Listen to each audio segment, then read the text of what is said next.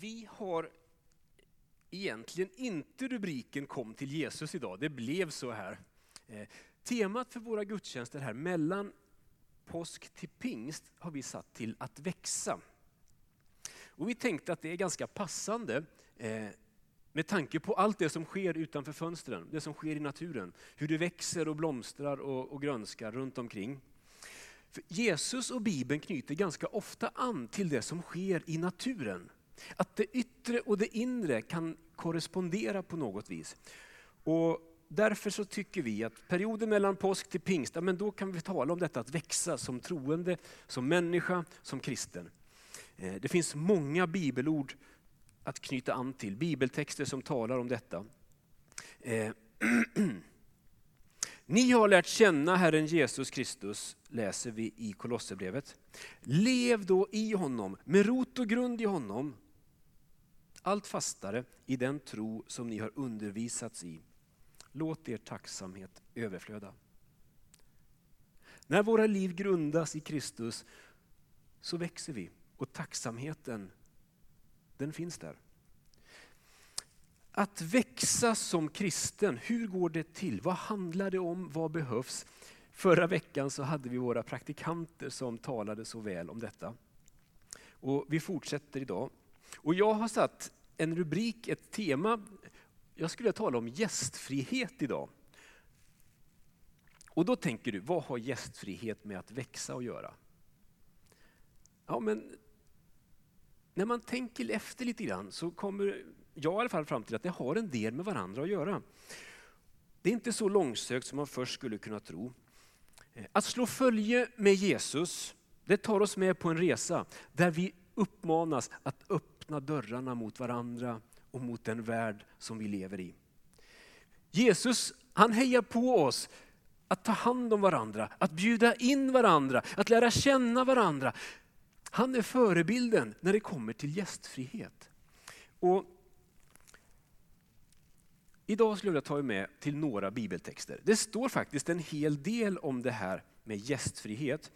Alla kristna, och nu är det inte bara den som har ett stort hus, utan även den som går på gymnasiet eller som bor i lägenhet. Alla inkluderas när Bibeln säger var gästfria mot varandra utan att klaga.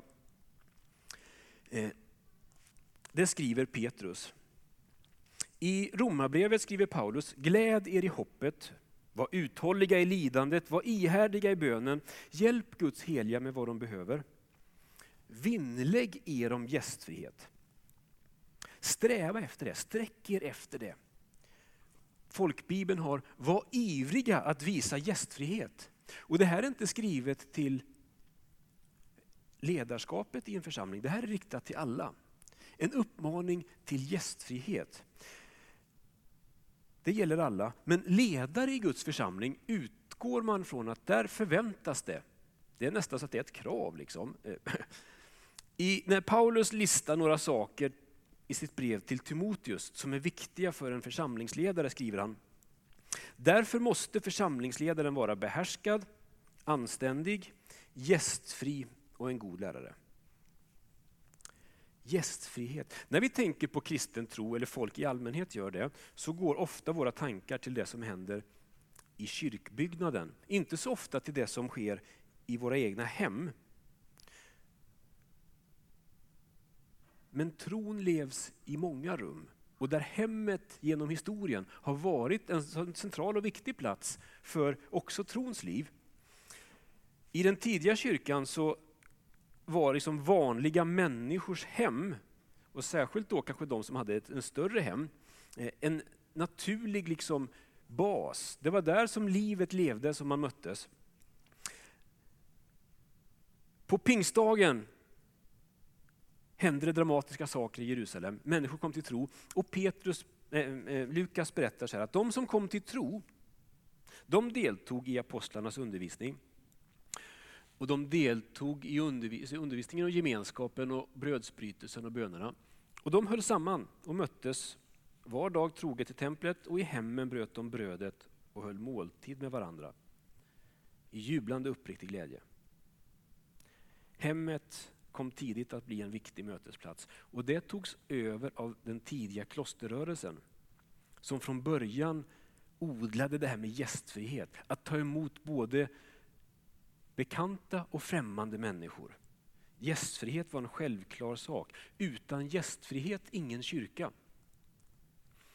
Och Det där har följt med kyrkan, där vi alltid har uppmanats att ha dörren öppen, att ha en plats vid bordet, att ha rum också för nya människor. En australiensisk pastor, teolog, har skrivit, ta gärna fram din telefon och fota det här, för det här kan man fundera på. Mark Connor säger så här, The church is to be more than a crowd gathered for an event. It is to be a closely networked group of people serving Christ together. Genuine loving relationship provide the context in which life transformation can take place.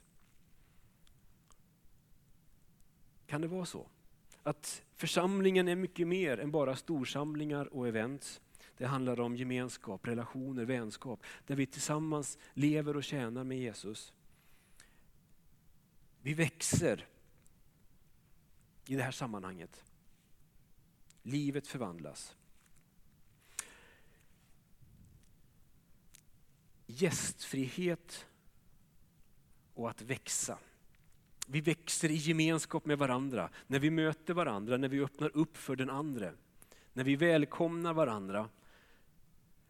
Jag tror att vi alla vet vad det betyder att bli varmt mottagen, välkomnad. Visst vet vi det? Vi är ganska lyhörda för hur vi tas emot. Om det är med öppna armar eller om det är med viss tveksamhet.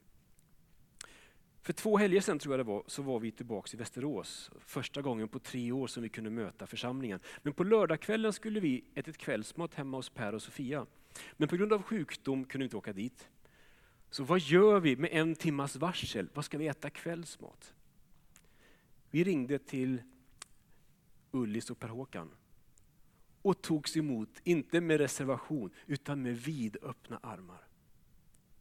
Och vi fick en fantastisk kväll. Och jag, det där, visst har du varit med om det? Hur vi tas emot, det gör skillnad. Att bjuda hem sina vänner, det ligger oss alla nära till hands. Över hela världen faktiskt. Det unika med Jesus är att han faktiskt uppmanar oss att inte bara bjuda in dem vi brukar umgås med, utan att faktiskt ha dörren öppen för nya människor. Och kyrkan har alltid stått upp också för utsatta och fattiga människor. De marginaliserade. När jag växte upp så hände det så här att min, vår mamma sa att vi ska få främmande. Och vi som barn tyckte att det där var ganska roligt. Min mor var på besök igår och jag kom att tänka på det här då. När hon sa att vi skulle få främmande, då var det att vi skulle få gäster på besök. Eh, och vi syskon, jag och min bror och min syster, brukar skoja med henne och fråga om hon inte visste vilka det var som skulle komma. Alltså, har du bjudit hit främmande människor? Och vi tänkte inte att våra grannar eller kusiner var främlingar. Eh, men med åren så har jag kommit att tänka att kanske att mamma ändå hade en poäng trots allt. Eh, och då tänker jag att också de som vi tycker att vi känner väl bär på dolda skatter. Allt är inte uppenbart. Vi är på något sätt fortsatt främmande för varandra. Det finns mer att upptäcka. Det finns något främmande hos alla, något nytt att upptäcka. Dina klasskamrater, arbetskamrater, vi som finns här idag och möter varandra i kyrkan. Att se på våra gäster som främmande, det tänker jag är ett uttryck för insikten om att jag vet inte allt om de som kommer och de jag möter. Det finns mer att upptäcka och det manar ju till ett nyfiket förhållningssätt. Det säger mig att det finns en anledning att vara intresserade, för de som kommer hem till oss det är främmande människor. Även om vi har umgåtts sedan vi var barn. Den dikt som kanske är mest välkänd i Sverige, jag vet inte, kanske, är ju skriven av Thomas Tranströmer. Och det här är otroligt välbekanta rader, men jag vill läsa dem med dig. Thomas skriver, inne i den väldiga romanska kyrkan trängdes turisterna i halvmörkret. Valv gapade bakom valv, ingen överblick. Några ljuslågor fladdrade. En ängel utan ansikte omfamnade mig och viskade genom hela kroppen. Skäms inte för att du är människa. Var stolt. Inne i dig öppnar sig valv bakom valv oändligt. Du blir aldrig färdig. Och det är som det ska. Jag var blind av tårar och föstes ut på den solsjudande piazzan tillsammans med Mr och Mrs Jones, herr Tanaka och signora Sabatini. Och inne i dem alla öppnade sig valv bakom valv oändligt. Det finns mer att upptäcka. Därför manar Bibeln oss till gästfrihet. Begränsa inte ditt liv och din vardag. Öppna upp för nya människor. Det gäller oss som församling och som enskilda. Många av oss är ju spontant tveksamma mot okända och främmande människor. Ja, något som är ganska märkligt och intressant är att våran Tia, vi har fått en cykel, vi har skaffat en ganska stor cykel där man kan cykla bredvid varandra. Några av er har kanske sett den. Och Tia som har ett funktionshinder, hon är hjärtligt glad. Saliga visshet, vi ska ut och cykla. Eh, och hon vinkar liksom till alla hon möter för att tala om hur bra det här är. När man kommer till trafik, övergångsställ, då säger hon stopp, stopp, stopp till bilarna och sen tack, tack, tack. Jag tror bara inte att de fattar att de säger tack till dem. Eh, men, men när man möter människor så vinkar hon liksom och vi märker hur, hur en del ler tillbaks och andra försöker nonchalera att här kommer en tjej på en gigantisk cykel som hysteriskt vinkar. Alltså vi har olika sätt att förhålla oss till främmande och okända människor. Man ska vara försiktig med främmande människor. Alltså prata inte med främmande människor, det säger vi ibland till barnen. Och tyvärr så ligger det ju någonting berättigat i det. Det är ju den sorgliga verkligheten att så ser vår värld ut. Att vi bör vara vaksamma. Samtidigt är det något djupt bekymmersamt. Vi skaffar extra lås, vi installerar larm, vi begränsar vem som har tillträde. Ingen vet hur många lösenord Peter Lundin har på sin dator. Eh, om jag kommer först till kyrkan måste jag låsa upp fyra lås innan jag är inne på mitt arbetsrum. Jag tänker det säger något om den tid och det samhälle som vi lever i. Vi ska inte vara naiva, men Jesus uppmanar sin kyrka att vara gästfri, att inte låsa dörrarna utan öppna upp dem för att goda möten ska äga rum. Jesus uppmanar oss att se på varandra med öppenhet och med nyfikenhet och gestalta ett generöst sätt att leva och möta varandra. Hur är det med gästfriheten i Korskyrkan? Det kan vi prata om vid kyrkfika tänkte jag. I, I veckan, jag tror det var du David, vår ungdomsledare, som vi satt och pratade på tisdagsträffen här innan lunchbönen. Och då tog du upp det där med, med, med kyrkfika i hemmen. Oh ja. Han saknar det David. Så om någon kan förbarma sig och bjuda hem honom på kyrkfika. Alltså kyrkfika i hemmen, det var någonting som fanns innan min tid. Och det var bra, säger David. Då vi arrangerade så här att istället för att dricka kyrkfika här nere så gick vi hem till varandra. I olika oväntade konstellationer. Det där ska vi ta tag i kanske, eller jag tycker det. Men, i, men idag har vi inte det. Men kanske att du kan ta ett eget, eget initiativ. Eftermiddagsfika i parken. Eller kanske om du har en lägenhet eller ett hem. Gud kallar oss att praktisera gästfrihet. Och i det sammanhanget så växer någonting gott. Någonting blomstrar. Gästfrihet det är en praktisk handling, att bjuda in eller välkomna någon hem till mig. Men gästfrihet, lyssna, det är inte bara en handling, det är också en attityd, ett förhållningssätt. Hur jag bemöter någon annan med värme och vänlighet. Jag har varit på påkostade fester och känt mig ganska olustig. Och jag har tältat i fjällen. Och det har regnat och jag har känt att det här är som att himlen har landat. Alltså, det avgörande för gemenskapen det handlar inte om kvaliteten på maten och drycken. Det finns andra faktorer som spelar roll. Det har med gästfriheten att göra. Visst har du hört det sägas att det är gästen som gör festen?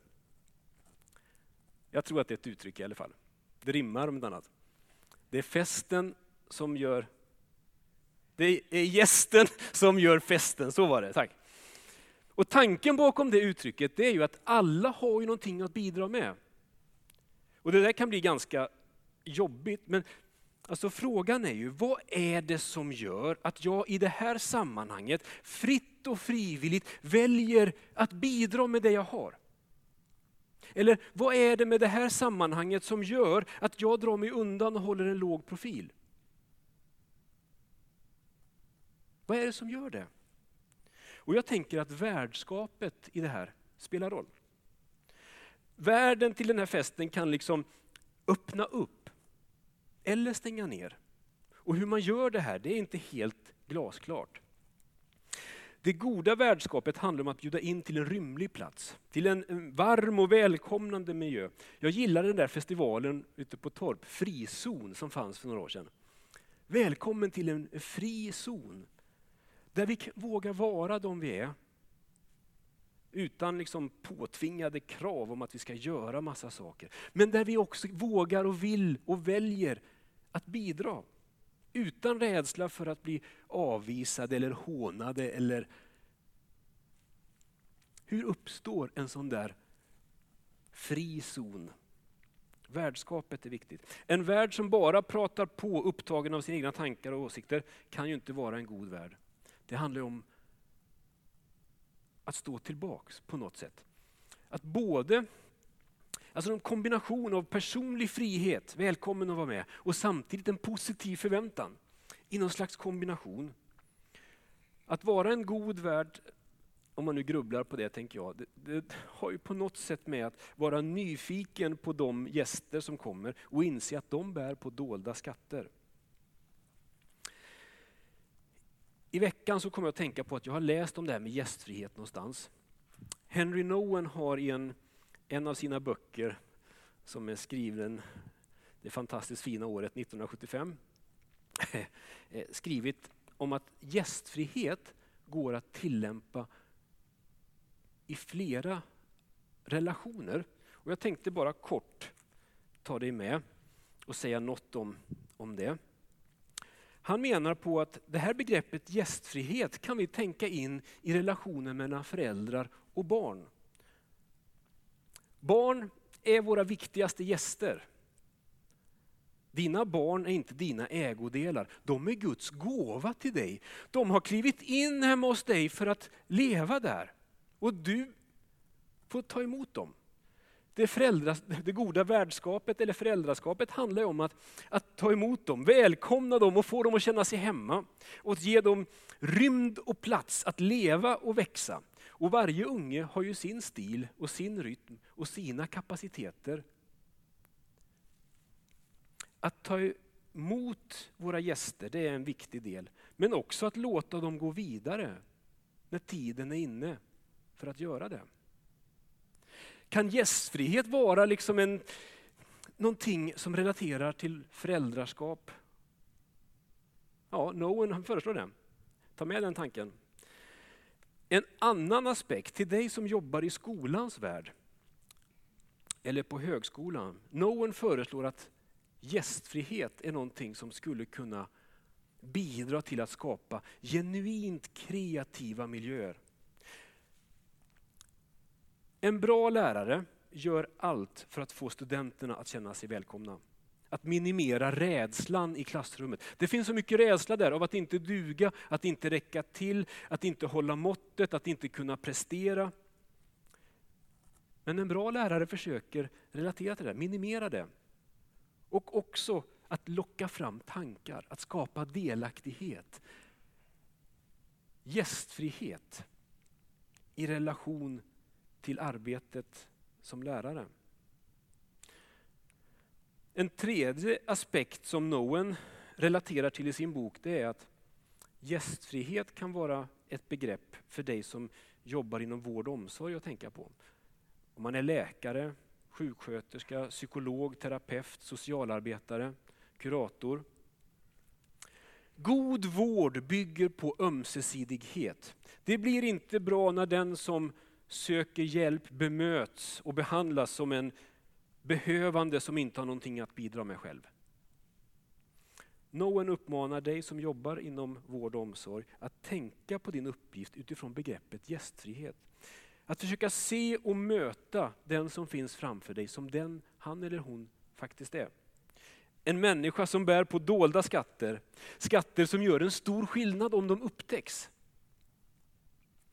Medmänsklighet bygger ju på att vi ser varandra som medmänniskor.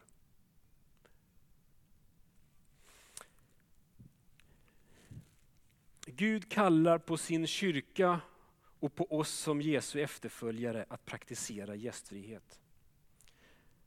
Det här är för att han vill vägleda oss till ett gott liv. Ingen orkar med allt, men alla kan vi ta några steg. Och Jesus han är ju i allt vår förebild. Det är fascinerande att se hur han möter och bemöter människor. Och att följa honom tar oss med på en resa där vi uppmanas att ta emot varandra med värme och vänlighet.